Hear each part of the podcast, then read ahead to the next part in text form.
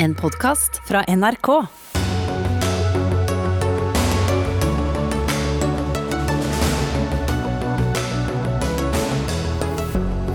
Norge skal bli verdensledende på vern av hav, sier statsministeren. Men selv verner vi bare noen få prosent av egne havområder.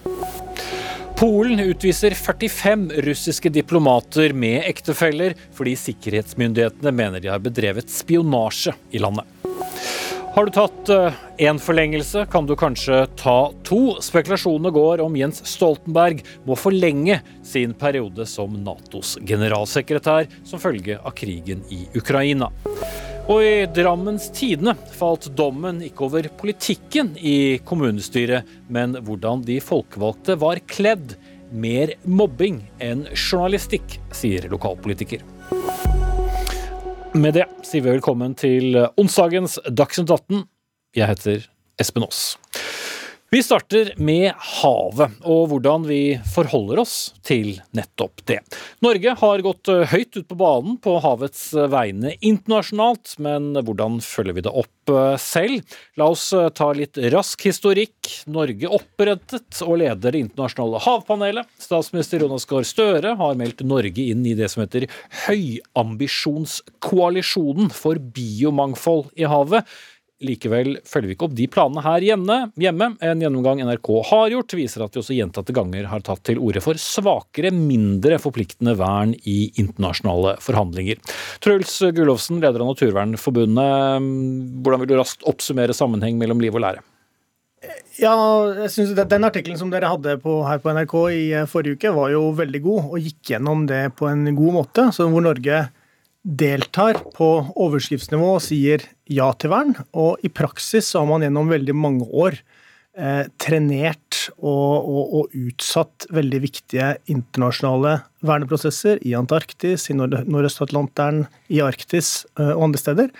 Og dessverre også vært veldig dårlig på å få til vern i norske havområder. Mm. Eh, vi Så vi er mer ambisiøse internasjonale enn en vi er hjemme? Vi er mer ambisiøse på overskriftsnivå eh, internasjonalt og hjemme enn vi er i praksis, eh, både internasjonalt og hjemme. Og det er jo en gammel, kjent historie med, med, med norsk miljøpolitikk som også eh, rammer havet. Og så mm. håper jeg jo da at dette er nå tar slutt. Havministeren som han også er, skal svare på det veldig straks, men vi skal uh, få en liten statusrapport på det hele fra deg, Alf Ring Kleiven. Du er forsker ved Havforskningsinstituttet. Hvorfor mener forskerne at det er behov for å verne enda flere havområder? 30, innen, 30% innen 2030 er jo eh, målet.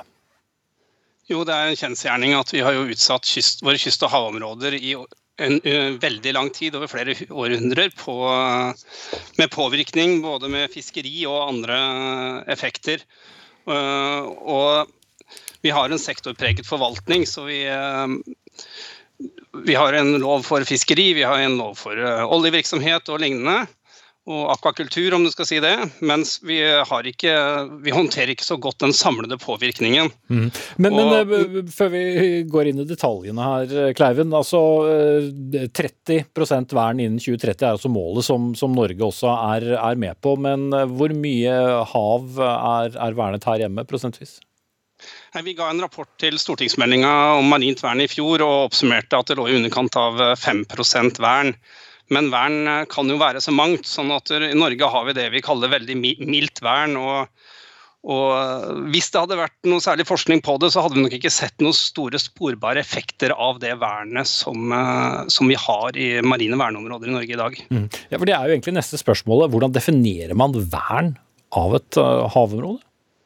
Internasjonal forskning, eh, vi er jo litt etter der i Norge. Vi har ikke så mange skikkelig verna områder å forske på. Men internasjonal forskning viser jo at det er strengt vern som har en funksjon. I Norge så har vi utelatt i hovedsak fiskerier i, eh, i, eh, i verneområder. Altså at vi har latt, hatt vanlige reguleringer på fiskerier i verneområder. Mens det, både naturpanelet, FNs naturpanel og, og, mange studier viser jo at det er eh, når du eh, setter restriksjoner på fiske, det er da du får positive effekter av verneområder. Fordi fiske har en effekt på hele økosystemet. Og tar vi ikke det i betraktning i marine verneområder, så får vi også lave effekter. Mm. Men hvor stor effekt gjør fiske eh, på et vernet uh, område? Er det ikke bare en, en beskatning som, som ellers? Jo, vi, kan, vi, driver jo med en forvaltning av, av hav- og kystområdene våre på, på, på fiskearter, høstbare fiskearter. Men eh, det oppnår vi ikke den samme biomangfoldet og brede alders- og størrelsessammensetningen og robustheten som i et verneområde. Intensjonen med verneområdet er jo å ha et mer robust ekosystem enn det du har andre områder. Mm. Takk til deg foreløpig, havminister eh, Bjørnar Skjæran, også fiskeriminister, da, men dette ligger jo under deg. Når uh, din statsminister Jonas Gahr Støre sier at vi skal bli verdensledende på hav, uh, hva slags karakter bør vi oss selv ha hjemme, hvis det er 5 eh, vi verner, og så syns vi at det skal være 30 internasjonalt? Jeg skal komme tilbake til akkurat det med de tallene, men for å si det sånn, eh, noe av det viktigste som Havpanelet har slått fast som en ambisjon, det er jo at vi skal ha 100 bærekraftig forvaltning av havområdene til, eh, til medlemsstatene. og Det ligger jo òg en ambisjon om at dette er noe som etter hvert skal gjelde alle farvann, altså alle havene rundt om, rundt om på hele kloden. Og, Noterer den som en først, vil jeg bare si. Ja, og det med bærekraftig forvaltning er jo det aller, aller viktigste. Fordi at eh, hvis man legger den aller mest snevre eh, betydninga av Ole Vern inn, så kan du tegne opp en, en, en 5% Men hvis du tar det i den andre enden av skalaen, så er det sånn vi, vi verner jo ikke kun gjennom eh, miljølovgivninga. Vi verner òg gjennom fiskerilovgivninga, der havressursloven er den aller, aller viktigste loven.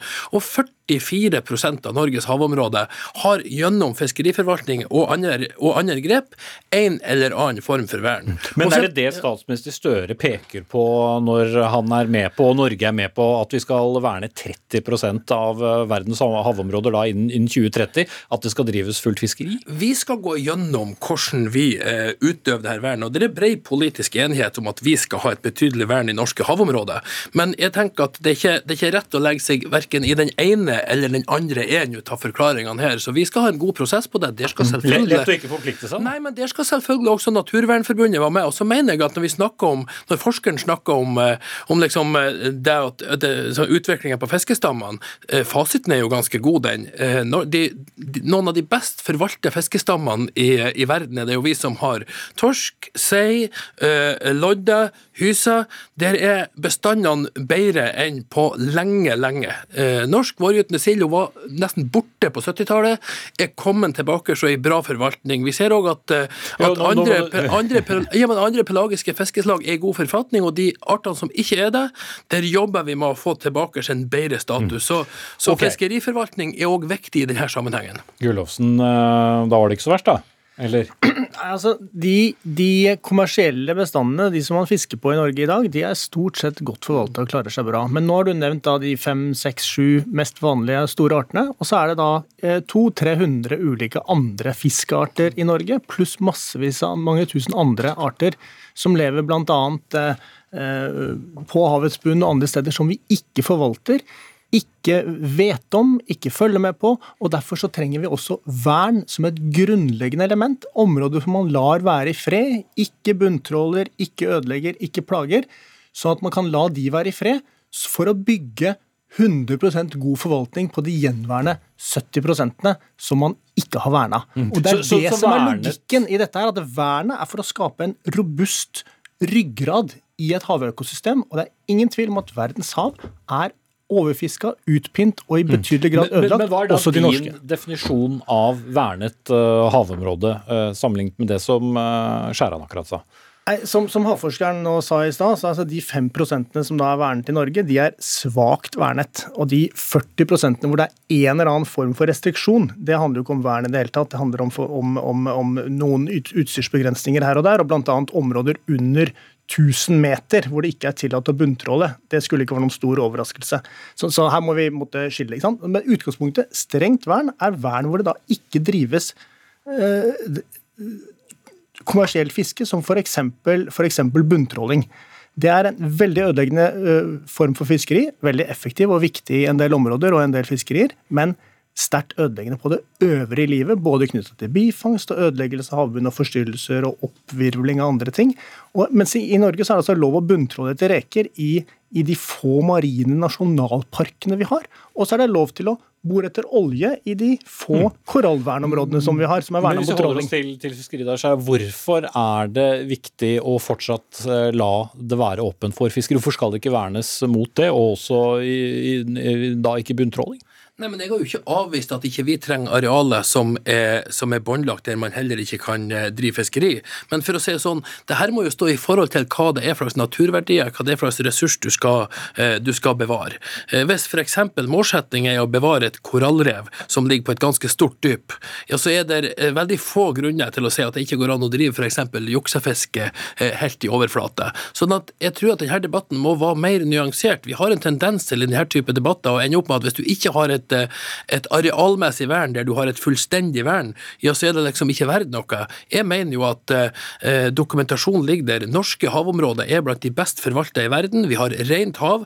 Et eksempel. Siden 90-tallet så har andel fremmedstoffer i norsk sjømat gått ned hvert eneste år. Det fortsetter nedover. Så vi, så Jo, vi det er får- mange ting å sammenligne, til- men ja. ser det spesielt ut som vi tar det på alvor eh, ved å fortsatt da la det være åpen for både bunntråling og fiskeri, mens vi samtidig eh, sier at internasjonalt så må i hvert fall 30% være vernet, når vi da bare har en sjettedel av det selv? Men vi har jo stilt oss bak det.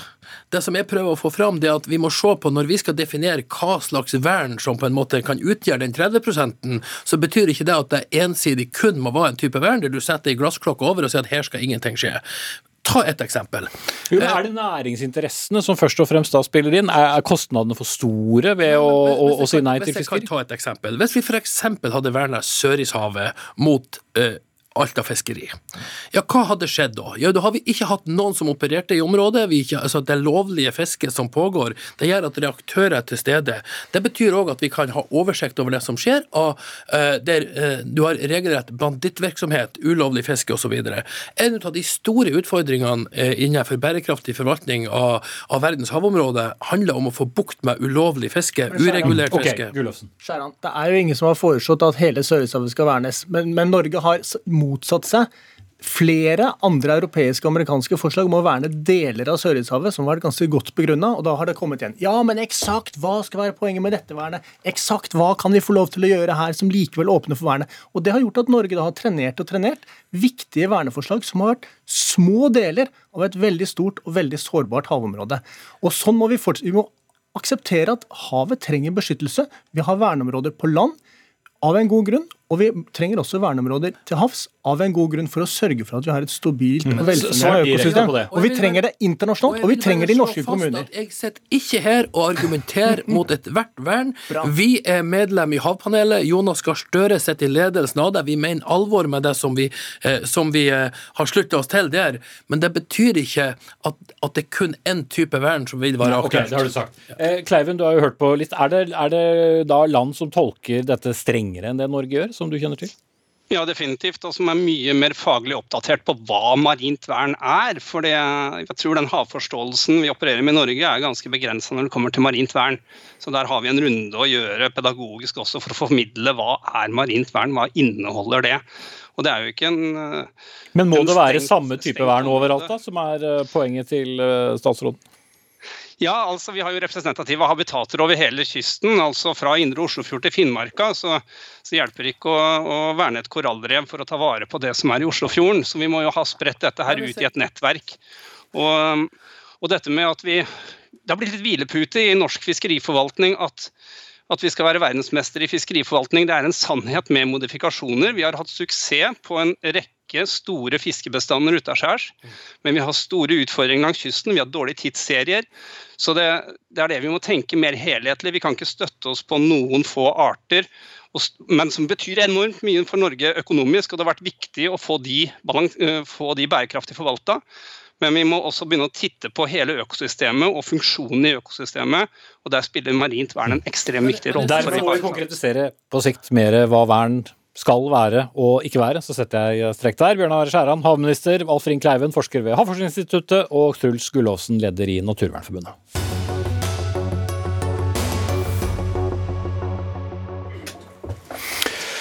Finansdepartementet her hjemme sa nå for litt over en time siden at de er forberedt på at Jens Stoltenberg blir lenger i jobben som generalsekretær i Nato. Altså at eh, det kommer til å bli noe senere at han tiltrer som ny sentralbanksjef. Vi skal snakke mer om det snart, men eh, den samme Stoltenberg har iallfall nok å gjøre i sin nåværende jobb med krisen og krigen i Ukraina. I dag ble det altså klart at Nato planlegger å utplassere fire nye stridsgrupper, som det heter, i Bulgaria, Ungarn, Romania og Slovakia. Dette sa han på en pressekonferanse i ettermiddag. The first step is the deployment of four new NATO battle groups in Bulgaria, Hungary, Romania and Slovakia. Along with our existing forces in the Baltic countries and Poland, this means that we will have eight multinational NATO battle groups all along the eastern flank. Så langt eh, Jens Stoltenberg om, eh, om, disse utplasseringene av Bulgaria, Ungarn, Romania og Slovakia. Sverre Strandhagen, kommentator i Dagens Næringsliv, du er med oss eh, direkte fra Brussel. Hva er grunnen til at man trenger å, å sette ut eller utplassere disse stridsgruppene?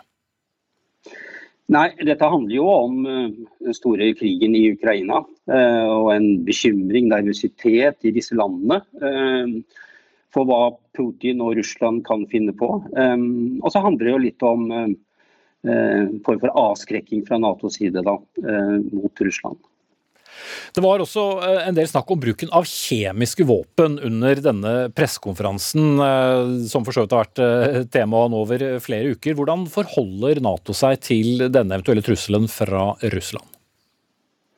Nei, eh, man tar det veldig alvorlig. og Man er ganske hva skal vi si, oppbrakt over at uh, Russland gang på gang på en måte uh, snakker om kjemiske våpen. Uh, og de sier jo at i Ukraina så kan det tenkes at, at slike våpen blir brukt, noe som er helt grunnløst.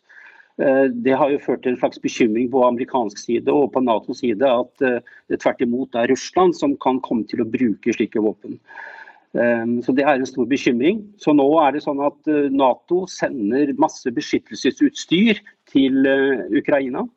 Ehm, både for kjemiske, men også bakteriologiske våpen. Også for, eh, beskytte seg mot kjernevåpen. Mm. Eh, på den samme eh, pressekonferansen så kom også spørsmålet til eh, Stoltenberg da, om hvorvidt han skulle bli sittende videre som toppsjef i Nato. Han skal jo etter planen tiltre som sentralbanksjef i høst.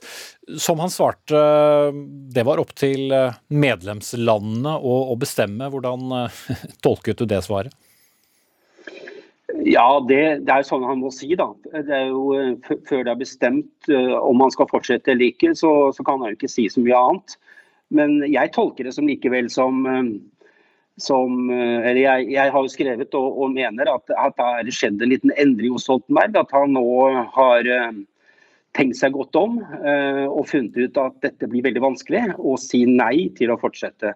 Eh, hvis alle de 30 allierte vil at han skal fortsette. Mm. Uh, og Det er jo selvfølgelig fordi det er en, en, krig i, i, Europa og det er en storpolitisk krise.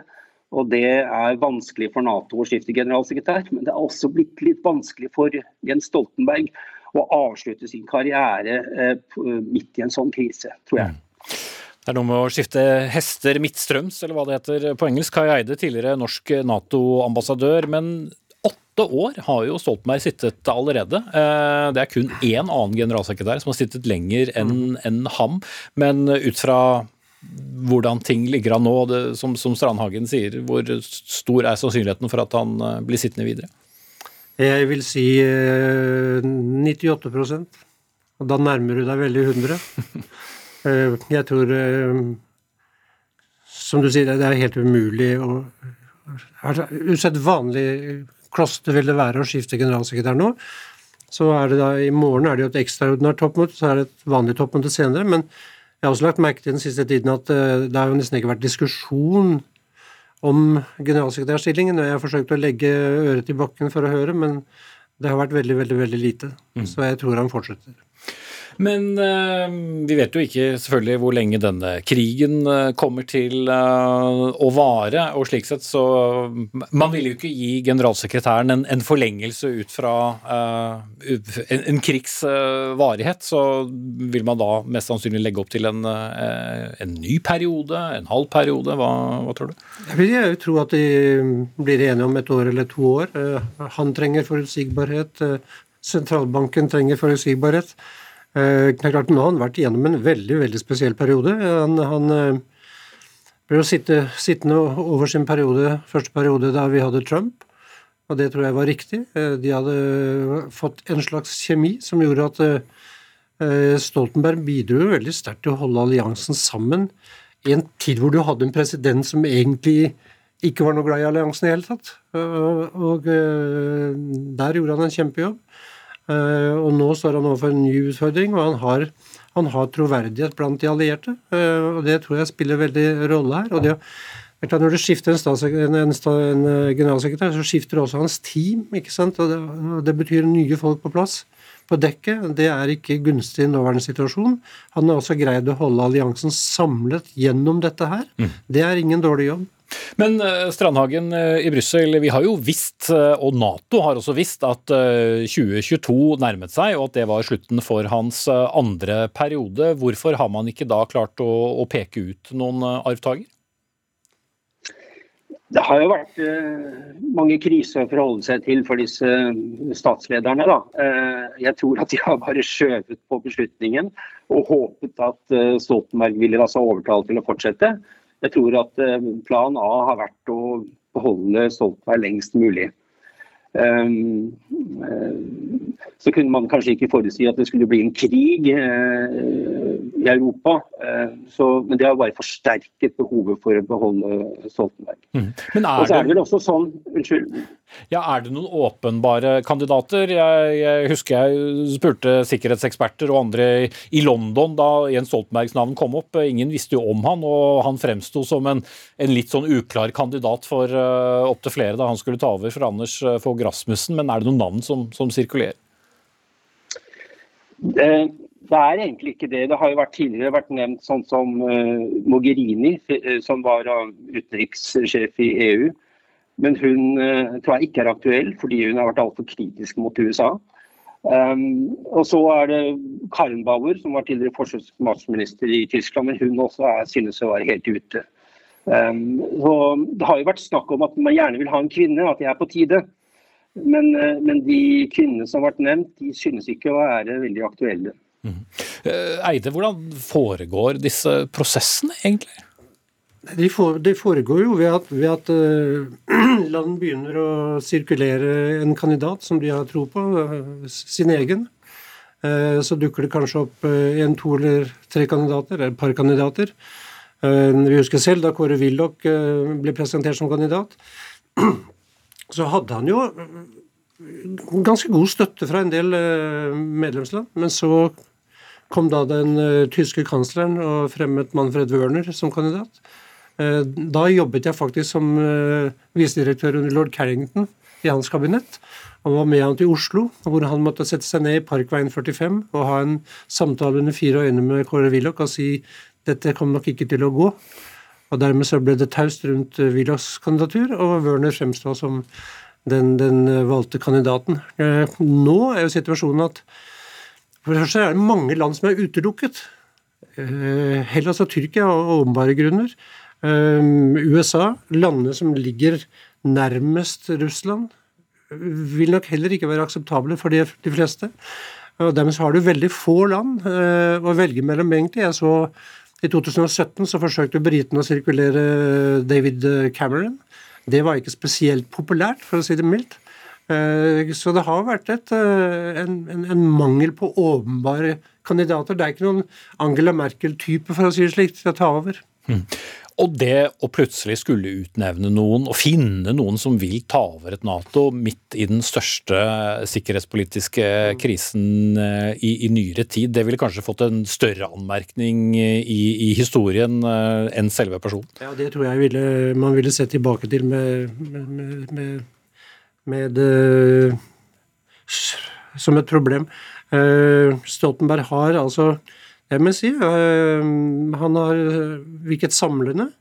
Som, som, som generalsekretær og formann så er man jo som en gjeterhund, ikke sant.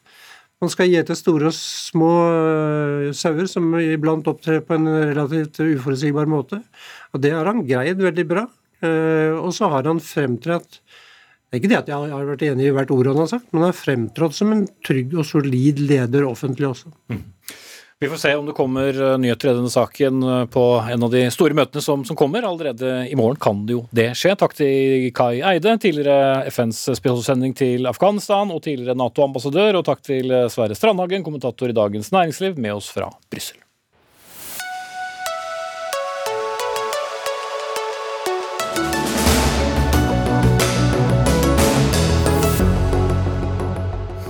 Ja, dette er eh, Dagsnytt 18. Klokken eh, er 18.25. Mot slutten av dagens sending Høyre møter Høyre i spørsmålet om etablering av kjernekraft i Norge. Før neste ukes landsmøte sier nemlig fem av de elleve fylkeslagene at de er åpne for å bygge reaktorer i Norge.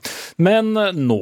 Polen valgte i dag å utvise 45 russiske diplomater og ektefeller som landets sikkerhetstjeneste anklager for å være spioner. Ifølge polske myndigheter har russerne spionert mot polske mål det er ikke kjent hvilke eller hvordan dette skal ha skjedd. Utenriksdepartementet i Moskva sier at de vil gjengjelde de polske utvisningene. Samtidig har altså 2,1 millioner ukrainere flyktet til eh, Polen siden Russland invaderte Ukraina 24.2. Roger Severin Bruland, du er med oss fra Polens eh, hovedstad Warszawa. Hva mer vet du om grunnlaget for utvisningen av eh, de russiske diplomatene og deres ektefeller? Vi vet ikke mer enn at ambassadøren var kalt inn på teppet i dag. Fikk beskjed om at disse diplomatene med fruer var utvist. Og det som også er litt uvanlig i disse situasjonene, er at eh, polske myndigheter har bedt om at de ikke skal bli erstatta med like mange heller, som eh, ofte skjer. Eh, innenriksministeren sier at de her har posert som diplomater, men at de egentlig er spioner, men vi vet jo egentlig ikke hva eh, konkret de har gjort. Men samtidig i dag så ble en polsk statsborger som jobber ved et av rådhusene her i Warszawa, eh, arrestert for eh, spionasje. Men myndighetene har ennå ikke bekrefta om det er tilknytta til disse utvisningene. Men det skjer mye i Warszawa akkurat nå. Hvordan vil du beskrive forholdet mellom Russland og, og Polen eh, etter at dette ble kjent i dag? Det har jo lenge vært iskaldt. Jeg var jo dekka den såkalte hybridkrigen, eh, der det ble sendt eh, altså, syrere over grensa fra Hviterussland til Polen. og det var jo mange polske politikere som mente at det var Russland som egentlig sto bak det her. Og selvfølgelig etter at krigen brøt ut, så har jo dette her bare blitt eh, forverra. Men det er jo klart at eh, det er ikke altså nok en stor dag for eh, det diplomatiske forholdet mellom Polen og Russland i dag. Og I det litt større bildet Roger, så har vi jo også de baltiske landene, Estland, Latvia og Litauen, som utviste ansatte ved Russlands ambassader. Bulgaria har gjort det samme. De diplomatiske forbindelsene de klippes over én etter én. Ja, det ser vi. Og kanskje det som er litt eh, konstruktivt da oppi det hele, er jo det at den russiske ambassadøren vil jo fortsette sitt eh, virke her i Warszawa. så altså Kommunikasjonskanalene er jo fortsatt åpne, selv om staben da er betydelig redusert. Nina Wittusek, seniorforsker ved Senter for utvikling ved Universitetet i Oslo, og selv polskfødt. Du, du mener Polen brukte veldig lang tid på, på disse utvisningene. Hvordan da? Ja, Polen var ikke i avantgarde når det gjelder disse utvisninger. ikke sant? Og regjeringen har tygget på hva den skal gjøre i forhold til, til Russland. Eh, men til slutt så ble det bestemt eh, å utvise disse 45 eh, diplomater. Noe som virker dristig eller, eller dumdristig til og med, men egentlig så er det ikke sant. Det har en tredobbel betydning, etter min mening, ut fra det som jeg har lest i den polske presse i dag. Mm. Hvordan tredobbel betydning? Ja, jeg er en sånn nyhetsjunkie, så det er det som jeg har forsøkt å få så oppsummere her. Mm.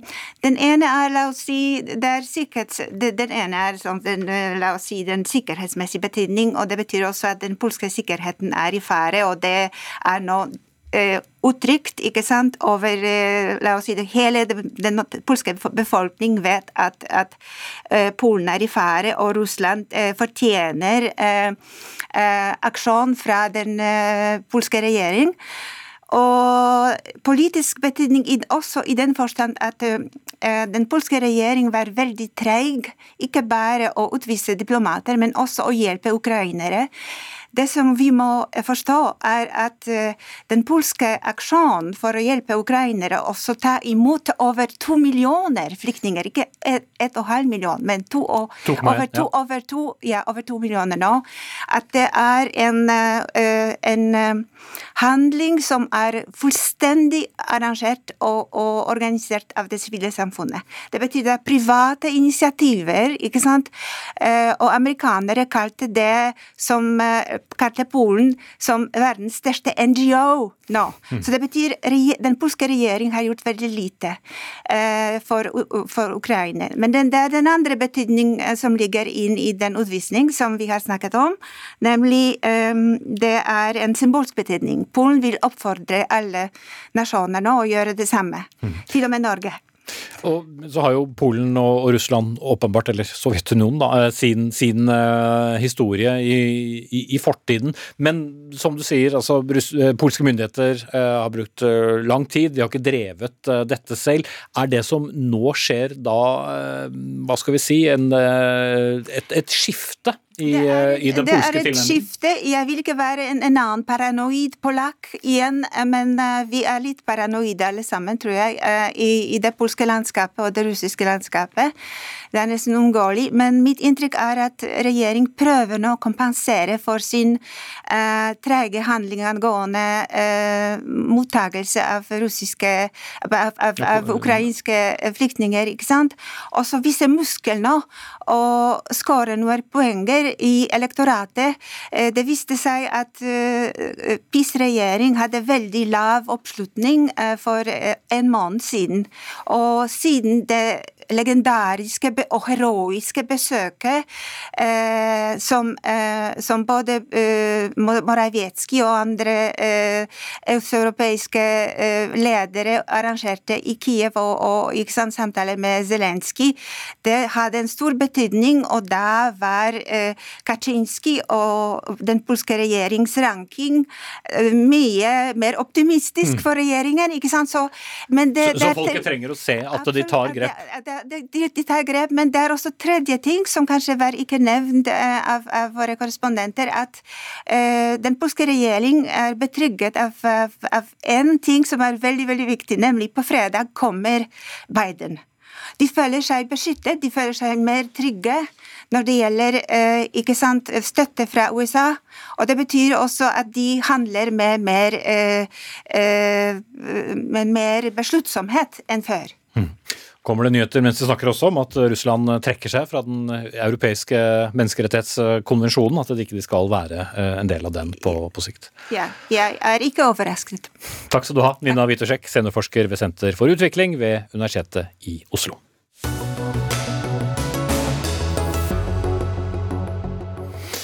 Og da skal vi hjem igjen, er det ikke det vi sier, når vi har eh, vært utenriks. Etter gjentatte nei til penger i EU, og heller ingen fullfinansiering i statsbudsjettet, tok landets hovedstad i går grep for å starte opp prosjektet for å fange opp og lagre karbon fra Norges aller største gjenvinningsanlegg, som heter Klemetsrudanlegget. Det går ut på at CO2 fanges opp og lagres slik at de store utslippene fra anlegget, som i dag utgjør 14 av eh, hovedstadens eh, utslipp, blir kraftig minimert.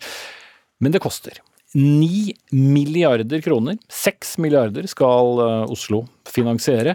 3 milliarder kommer fra staten. Og Terje Halleland, stortingsrepresentant fra Fremskrittspartiet, medlem av energi- og miljøkomiteen. Dere mener at dette bare kommer til å gå utover strømkunder og skattebetalere. Skattebetalere åpenbart, siden pengene kommer eh, fra kommunen. Men kan det ikke også være en gevinst her? Ja, den er veldig vanskelig å se.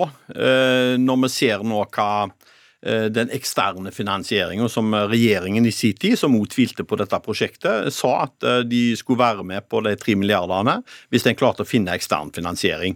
Eh, så går EU og sier nei. Jeg regner med at private har vært tilbudt å være med, men velger òg å, å, å, takke nei.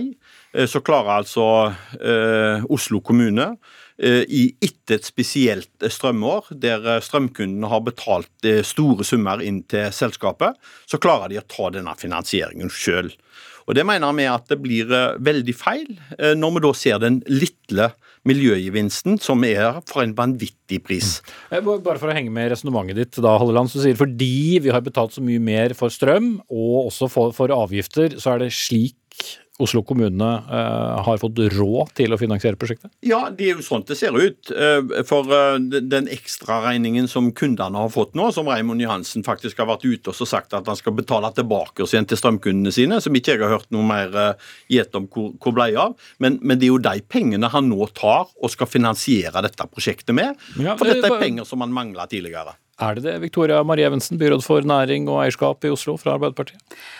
Nei, det er det ikke. Og jeg undrer meg over eh, om man eh, faktisk ikke forstår eh, hva vi la fram i går, eller om man ikke vil forstå, men det er sikkert en annen debatt. Det vi gjør, det er at vi finansierer dette med 2,1 milliarder fra kommunen. Det gjør vi gjennom å låne på aksjonærlån, som er en del av kraftformuen vår. Det betyr at vi taper noe renteinntekt som kommer inn til bykassa hvert år. Det er beregnet til mellom 40 og 100 millioner kroner. Eh, og så er det sånn at eh, dette skal tilbakebetales etter 2036, når vi da er ferdig med prøvedriftsperioden. Eh, og da eh, med en avkastning. Da forventer vi lønnsomhet. Så er det heller ikke sånn som, eh, som det sies her, at dette er ikke private interessert i å være med på. Snarere tvert imot. Det vi jo gjør gjennom selskapet vårt Hafslund, det er et samarbeid mellom Hafslund og to Som er et energiselskap, hvis noen lurte på det? Som er et energiselskap, som er heleid av kommunen og to eh, investeringsfond, som altså er eh, i det private markedet, og som eh, investerer i grønne, lønnsomme eh, forretninger. Mm. Eh, og de bidrar med betydelige summer, og de tror på dette. De, de er ikke med på dugnad, de er ikke med fordi de tenker at dette er litt artig. De er med fordi de også ser at dette kan bli lønnsomt, og noe man kan faktisk drive forretning på. Men det er 9000 millioner, da. 9 milliarder.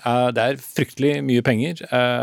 Og vi vet ikke helt sikkert om det vil lønne seg? Bare for å ha tatt det. Nei, men vi vet heller ikke helt sikkert om det faktisk vil koste 9 milliarder. Det er den øvrige kostnadsrammen. Ja. Eh, og ambisjonen er jo å få et eh, prosjekt som kommer under det. Eh, men det er klart at når vi skal fange 400 000 tonn årlig i 30 år, så er det jo også noe med hvordan du ser på investeringen, da, og hvordan du fordeler den kostnaden. Mm. Og så har jeg også lyst til å legge til at jeg, jeg vil bare ta det først, Politikere vil alltid legge til masse, men, men, men Halleland, burde man da i stedet for å satse på det som kan være et storstilt eh, klimaprosjekt, heller bare betalt pengene tilbake til strømkundene? Ja, I utgangspunktet så kunne jeg iallfall gjort det noe mer fornuftig eller å gå inn på dette prosjektet, som så mange har tatt avstand ifra.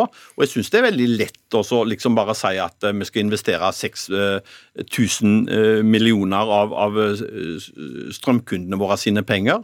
Vi skal ta 3 millioner av de statlige midlene for å gå inn i et prosjekt som regjeringen allerede har advart imot. Vi vet at Norcem, som har, var det foretrukne prosjektet fra regjeringen, allerede har sprukket med over en milliard. Vi kjenner jo alle betale månelandingen fra Mongstad, og så er det en kommune som skal gå inn her og bruke disse pengene på et prosjekt som det er knytt så mye risiko til, og så liten eh, miljøgevinst til i forhold til innsatsen at vi syns at dette blir eh, å gå altfor langt, og her må det være andre ting som en kunne brukt de pengene fornuftig til. Ta, ta miljøgevinsten først, da, som ja, jeg synes Det er eh, altså en helt spinnvill påstand. Vi kutter 14% av Oslos utslipp. Dette anlegget har overføringsverdi til 400-500 anlegg i Europa. Vi kommer til å forbrenne avfall også i fremtiden. Vi kommer ikke til å klare å gjenbruke alt. Vi kommer til å bruke ting selv om vi skal bruke mindre. Det kommer til å være, måtte forbrennes. Da må vi fjerne de utslippene. Det gjør dette anlegget. Og så må jeg bare si, jeg forstår altså ikke logikken her. Hvilke penger er det du skal betale tilbake til strømkundene? Pengene som de private investerer?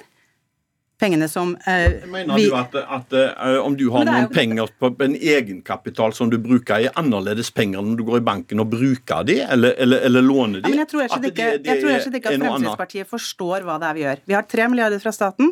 Vi har et betydelig bidrag fra private investorer som står for en stor del av regningen her. Det er Og Hafslund har vel andre Nei, inntekter, eller bare på, på, Det er ikke et innkjøp i eierskap til Hafslund, det er et innkjøp i uh, dette prosjektet.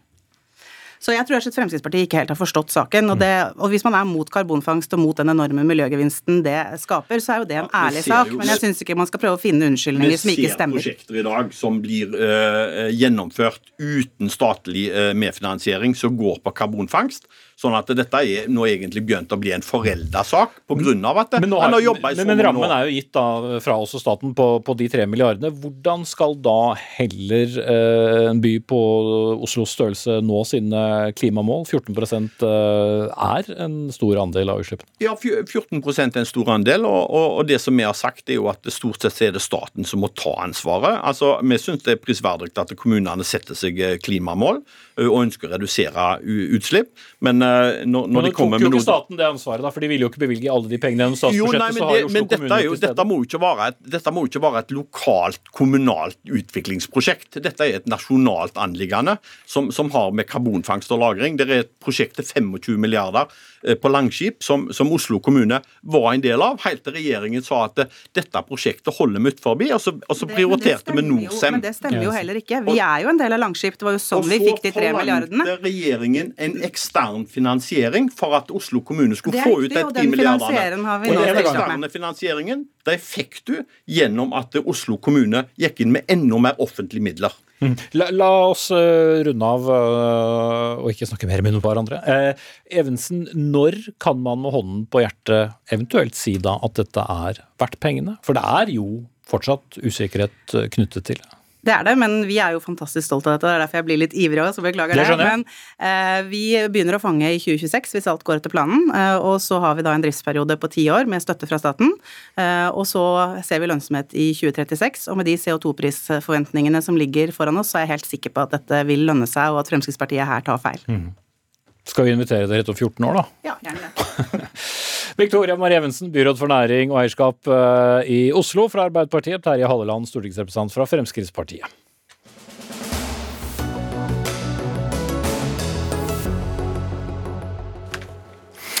Så skal vi diskutere vurderingen av eh, lokalpolitikere i Drammen. Ja, ikke for politikken, men eh, hvordan de så ut.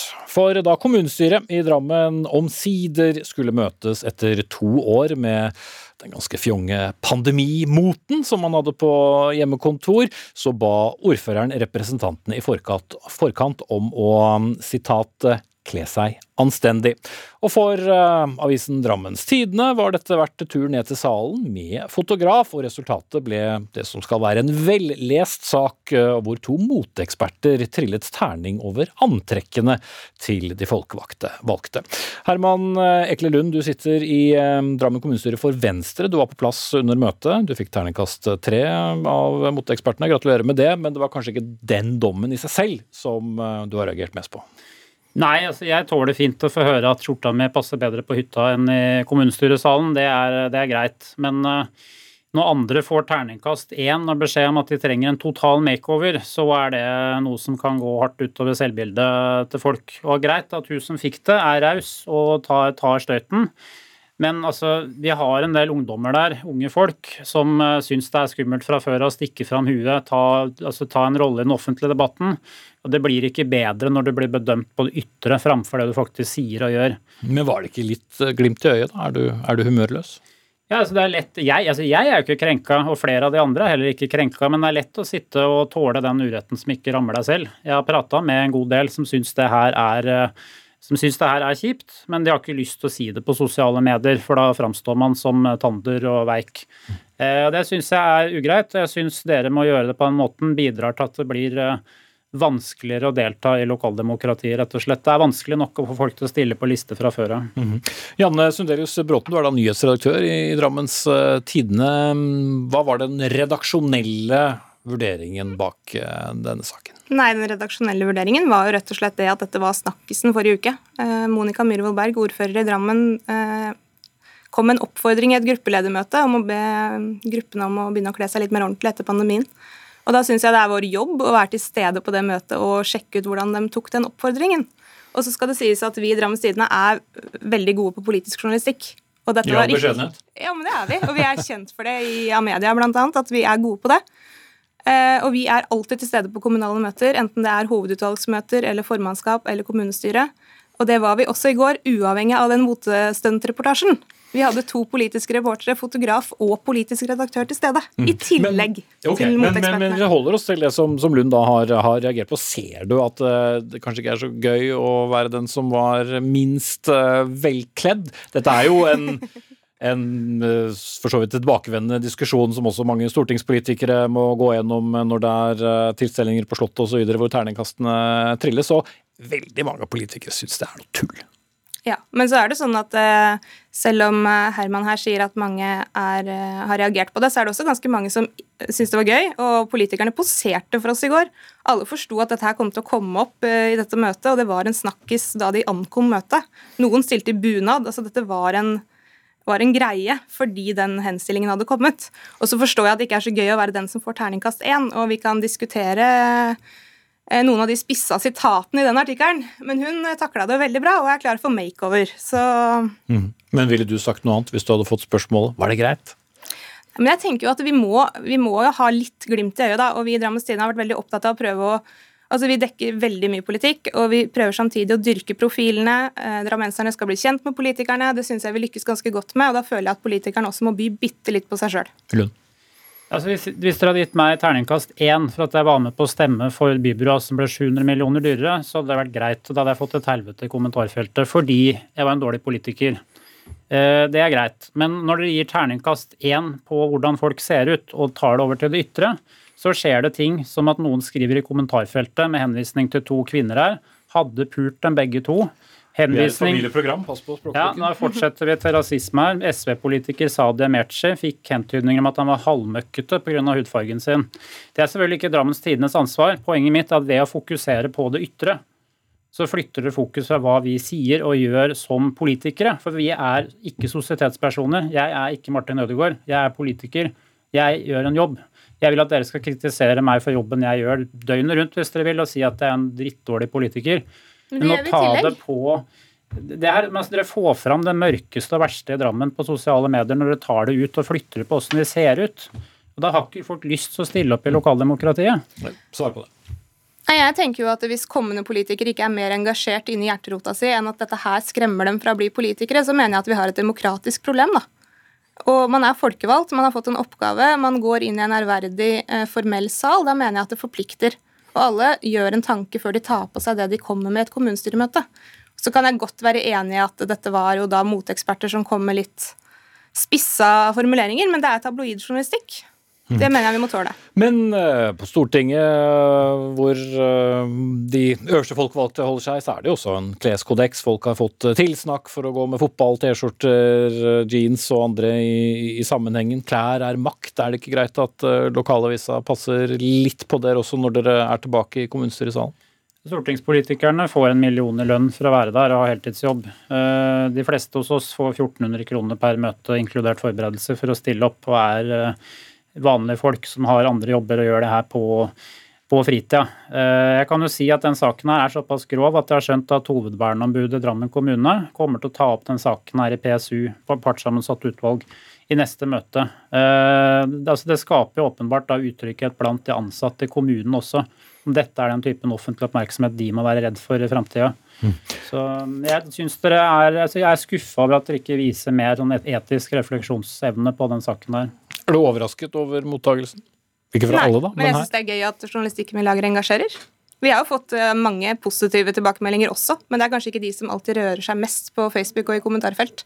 Men vi har fått flere henvendelser i dag fra kommunestyrerepresentanter som både er fra begge kjønn og fra, med ulik bakgrunn, som er positive til den jobben vi gjorde. Mm. Og så ble det kanskje noen nye abonnenter òg? Det ble det. Mm.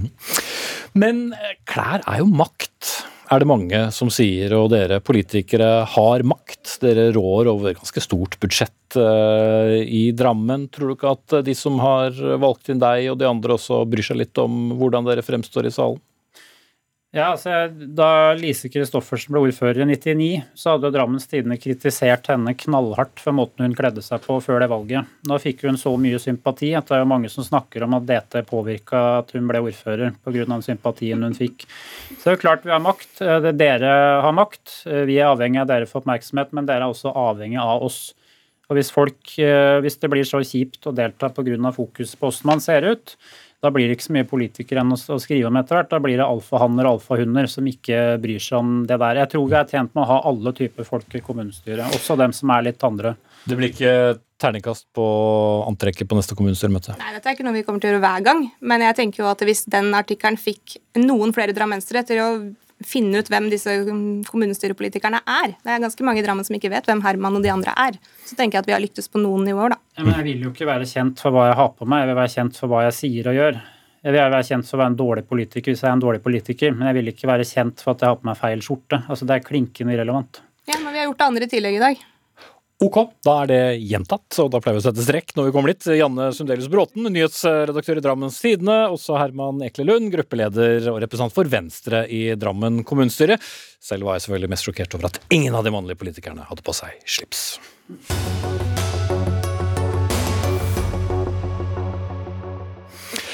Så til eh, trekløveret klimakrise, energikrise og strømpriskrise. Det har fått eh, fem av Høyres elleve fylkeslag eh, til å spille inn kjernekraft til landsmøtet Høyre skal ha neste helg. Det er avisen Vårt Land som har gjennomgått eh, resolusjonene i forkant av landsmøtet, som holdes 2. og 3. april. Mahmoud Farahman, stortingsrepresentant fra Høyre. Du representerer da Vestfold og Telemark, som det foreløpig heter. Dere vil ha med partiet på å ta diskusjonen, som det heter, om behovet for kjernekraft. Hvorfor det? Nei, altså vi er, Den situasjonen vi er i Europa akkurat nå, uh, skisserer det ganske godt. Altså Det er en energiavhengighet av russisk gass blant Uh, som gjør oss veldig sårbare. I tillegg så er vi et skjæringspunkt, uh, sånn som vi var også på 70-tallet, der vi trenger å se på nye uh, energikilder og tilgang til ny, energi. Det har skjedd en del på, på kjernekraftsida siden vi starta å jobbe med det borti Halden. Så det er mange gode diskusjoner. Og så må jeg legge til at jeg kommer fra Telemark, der har vi masse thorium, der har vi masse industri, og vi trenger energi. Mm. Men har vi et kraftoverskudd eller underskudd i Norge? Det er en litt lengre diskusjon. Jeg tror Nicolai kan svare bedre på det enn meg. Men uansett om vi har overskudd eller underskudd, så, så, er det viktig for oss å ha balansekraften, slik at vi kan bistå Europa i den grønne omstillinga de skal inn. Mm. Nicolai Astrup, allerede mm, innannonsert ved fornavn. Eh, du er da stortingsrepresentant eh, fra Oslo og er også energipolitisk talsperson. Eh, hvorfor kan man ikke ta en diskusjon om kjernekraft? Jo, det skal vi jo gjøre.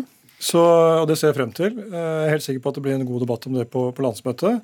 Og det er ikke noe tvil om at Kjernekraft er veldig viktig for den europeiske energimiksen. Og de landene som i dag driver med kjernekraft, og som har kompetanse og teknologi på det, de bør fortsette med det. Eh, fordi Europa trenger nettopp eh, en stabil grunnlast, og kjernekraft representerer det. For Norges del så har vi jo vannkraften. Så vi har eh, kan du si, god balansekraft i vannkraften. Vi har også våre fortrinn andre steder enn på kjernekraft. Vi er gode på vannkraft, vi er gode på flytere til havvind. Vi er gode på grønn industri. Det bør vi fortsette å satse på. Eh, Men det vi ikke kan, eh, det er atomkraft i særlig grad. Vi har veldig lite kompetanse på det. Vi, det kommer til å ta veldig lang tid å bygge et konvensjonelt kjernekraftverk i Norge. Eh, Finland holder jo nå på å bygge et kjernekraftverk eh, og har holdt på med det ganske lenge. Det er 13 år forsinket. De vedtok å bygge det i år 2000. Det er fortsatt ikke ferdig. De skal begynne prøvedrift nå. Eh, Så, og det har kostet 90 milliarder kroner. Så det er både dyrt, det er ikke billig energi, det tar lang tid. Det er ikke noe quick fix på den eh, situasjonen vi står i akkurat nå. Eh, Og Norge har ikke noen gode forutsetninger for å lykkes med det. Mm. Samtidig så vet jo du, for det er ikke så lenge siden du diskuterte det sist, vindkraft på land, veldig upopulært. Utvidelse av eksisterende vannkraftanlegg, upopulært. Vindkraft eh, på havet, også upopulært i, eh, mange kretser. Så det er mange argumenter imot det aller eh, meste. I dag hørte vi at flere i Norge nå er mer positive til kjernekraft i Norge. Vel, la meg si det sånn. Ja, det er mye som er upopulært. Men vi har i Norge i mange år diskutert hvor vi skal etablere et mottak for farlig avfall. Langøya begynner å bli fullt, og Norge er forpliktet til å ha et sånt mottak. Ingen kommuner som akkurat har meldt seg frivillig. Eh, Og jeg vil gjerne se den kommunen som nå melder seg frivillig til å lagre atomavfall. Og Det er altså en ganske omfattende infrastruktur som må på plass, som Norge ikke har i dag. Og for å bare ta det som et eksempel, Nå skal vi altså avvikle eh, reaktorene på Kjeller og i Halden. Det er anslått å koste et sted mellom 20 og 30 milliarder kroner. Og vi tar mellom 20 og 30 år å rydde opp. Ja, La oss ta det med, med, med lagring. For uansett om teknologien har endret seg siden eh, vi var redd for Barsebekk og andre nærliggende atomkraftverk, så må man fortsatt lagre avfallet. Vil du foreslå altså Langøy er jo da i, i Vestfold. Vil du, vil du foreslå å hente det hjem til Telemark? Ja, det er, Akkurat det tror jeg ikke jeg skal foreslå her, men jeg, jeg tror Du er for, uh, for det hvis vi lagrer et annet sted enn i ditt valgdistrikt? Ja, det kan vi også påstå. Men, men poenget mitt er jo altså, litt, litt av tanken vår må være at vi, har jo, vi hadde jo heller ikke kompetansen på olje og gass når vi satte i gang. Vi hadde, vi hadde kompetansen på havet, det hadde vi, men ikke olje og gass. Der klarte vi å bygge opp verdikjeder, eh, leverandørkjeder og kompetanse. Eh, Jeg tror det er mulig for oss å gjøre det samme her. Og, og hva angår kompetanse på, på kjernekraft, så har vi jo noen som er gode på det. Vi har og uh, hatt denne, disse reaktorene i Halden og på Kjeller, og har mennesker og individer som har eh, PhD, altså doktorgrad innenfor dette fagfeltet. Og hvis vi nå skal ha en reell mulighet til å realisere noe som helst innenfor kjernekraft, så må vi iallfall ikke miste den kompetansen vi har mulighet til å bygge opp, eller den kompetansen vi har. Det En en gang midten av 2030-tallet? da, eller? det kan være en, eh, en mulighet. Samtidig så nevner Nikolai Astrup her et ganske interessant tilfelle, og det er Finland. Finland er kanskje en av de dårligste eksemplene på hvordan kjernekraft kan bygges. og de, Den kapasiteten det kjernekraftverket der har, er jo betydelig. Den skal forsyne 13% av Finlands energiforsyning. Eh, Det er betydelig. Vi har andre teknologier tilgjengelig som kan forsyne mindre. Og når jeg da diskuterer dette her så, eh, med, med industrien, spesielt i Grenland, Skatec i, fra Telemark forska jo på dette her. En av deres forslag var å bygge små modulære kjernekraftverk som kunne bl.a. forsyne industrien. Og det vil også redusere behovet for å bygge nett. Ja, og jeg tenker at det skjer veldig mye spennende på mindre moduler. Eh, små kjernekraftverk som koster mindre, hvor avfall er et mindre problem, teknologien utvikler seg. Og dette jobbes det med. Men man snakker også om en mulig kommersialisering av disse løsningene mot slutten av 2030-tallet. Mm. Og vi har ikke noen forutsetninger for å være ledende i det arbeidet sånn situasjonen er i dag. Vi har heller ikke noen forutsetninger for å bygge et stort kjernekraftverk. Da er vi avhengig av å få hjelp fra land som vi for øvrig ikke har et sikkerhetspolitisk samarbeid med, for å bygge den type eh, eh, installasjon. Og samtidig som vi har et fantastisk potensial til virkelig å utvikle andre fornybare energikilder i Norge. Så jeg er ikke mot kjernekraft eh, fra et ideologisk ståsted. Jeg mener at det absolutt har sin plass i europeisk europeisk for, for for inngripene og kraften man får ut av et kjernekraftverk, er jo langt grønnere og fører til eh, mest sannsynlig langt færre inngrep enn f.eks. Ja. vindkraft. Og, og som sagt, de landene som har en infrastruktur på dette, som har boret fem kilometer ned for å lagre avfall i jordens indre, ja, og som har tatt den kostnaden og som er gode på dette, de bør fortsette med det. Men de som har bygget kjernekraftverk, de er ikke mange igjen i Europa, for de har gått av med pensjon alle sammen. Og det så vi jo ikke bare i Finland, i Storbritannia bygger de også. Det er også enormt dyrt. Det koster over 200 milliarder kroner å bygge, og vi har måttet subsidieres. Kraften må subsidieres da med 500 milliarder kroner over 60 år. Mm. Det må Så- det vel så dette visse er- andre former. Og vi må, vi må snart runde av, Farahman, sånn, men eh, det er vel ikke store sjansen for at det Nei, blir noe altså, flertall for dette? Nei, ja, det, det spørs nå. Det. Men jeg tror det er også viktig å ha med seg at land som Frankrike får 80 av energien sin fra kjernekraft. Og de bygger mer, og de har planer om å bygge mindre modulære skal si, kjernekraftverk. Det har kommet mye te ny teknologi, og jeg tror vi, vi er tjent med å tenke både og, og ikke enten-eller. Og jeg, jeg er enig med Nikolai at det tar tid å bygge opp den kompetansen, men det må vi satse på. Ok, jeg setter eh, strek der. Eh, Mahmoud og Nikolai, som du alltid er med fornavn når man er inne i partiet. Nikolai Astrup, eh, Mahmoud Farahman, stortingsrepresentanter fra Høyre begge to. Ansvarlig for sendingen Anne Katrine Førli. Det tekniske ansvaret hadde Eli Kyrkjebø. Jeg heter Espen Aas, og ja, vi kommer tilbake igjen i morgen vi, med ny sending samme tid, samme sted. Og så spørs det da om dette blir en ny kjerneverdi for eh, Høyre, i tillegg til valgfriheten, da, som de er opptatt av. Takk skal du ha.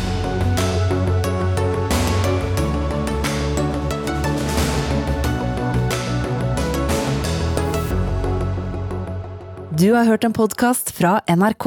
Hør flere podkaster og din NRK-kanal i appen NRK Radio.